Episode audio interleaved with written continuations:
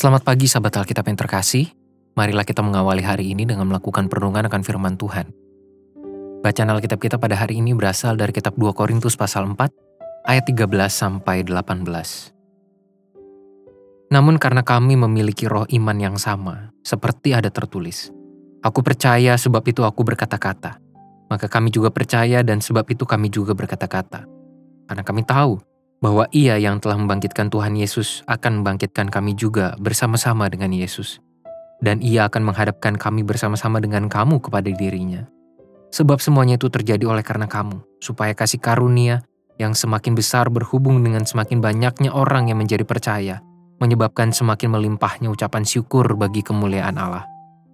Sebab itu kami tidak tawar hati, tetapi meskipun manusia lahiriah kami semakin merosot, namun manusia batiniah kami dibaharui dari sehari ke sehari. Sebab penderitaan ringan yang sekarang ini mengerjakan bagi kami kemuliaan kekal yang melebihi segala-galanya, jauh lebih besar daripada penderitaan kami. Sebab kami tidak memperhatikan yang kelihatan, melainkan yang tak kelihatan. Karena yang kelihatan adalah sementara, sedangkan yang tak kelihatan adalah kekal. Nampaknya hampir semua manusia pernah menguap Hal ini biasanya muncul sebagai indikator tubuh yang lelah atau mengantuk. Meski ada juga alasan lain berhubungan dengan kondisi kesehatan tubuh yang lebih serius. Namun, apakah Anda menyadari bahwa menguap juga dapat menular?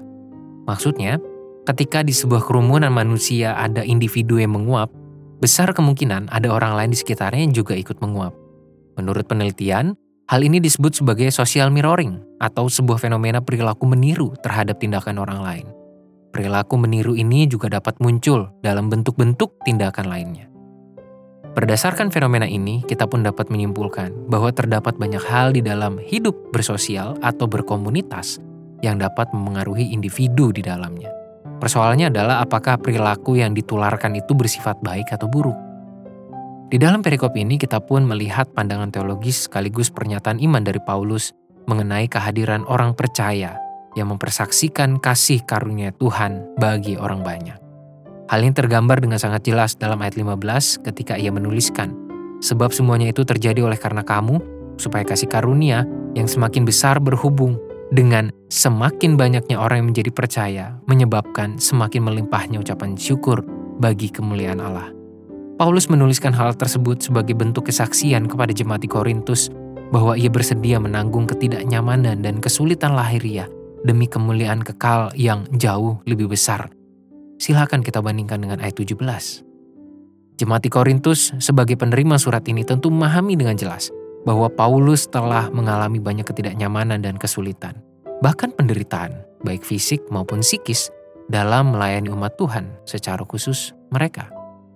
Namun Paulus tetap bersedia menanggung itu semua sebagai bentuk kesetiaan dan kesediaan untuk memberikan diri sebagai manusia yang diselamatkan Kristus Paulus percaya bahwa segala kesaksian atas karunia Tuhan yang ia beritakan akan memberikan sukacita dan melimpahkan kemuliaan Tuhan di tengah dunia.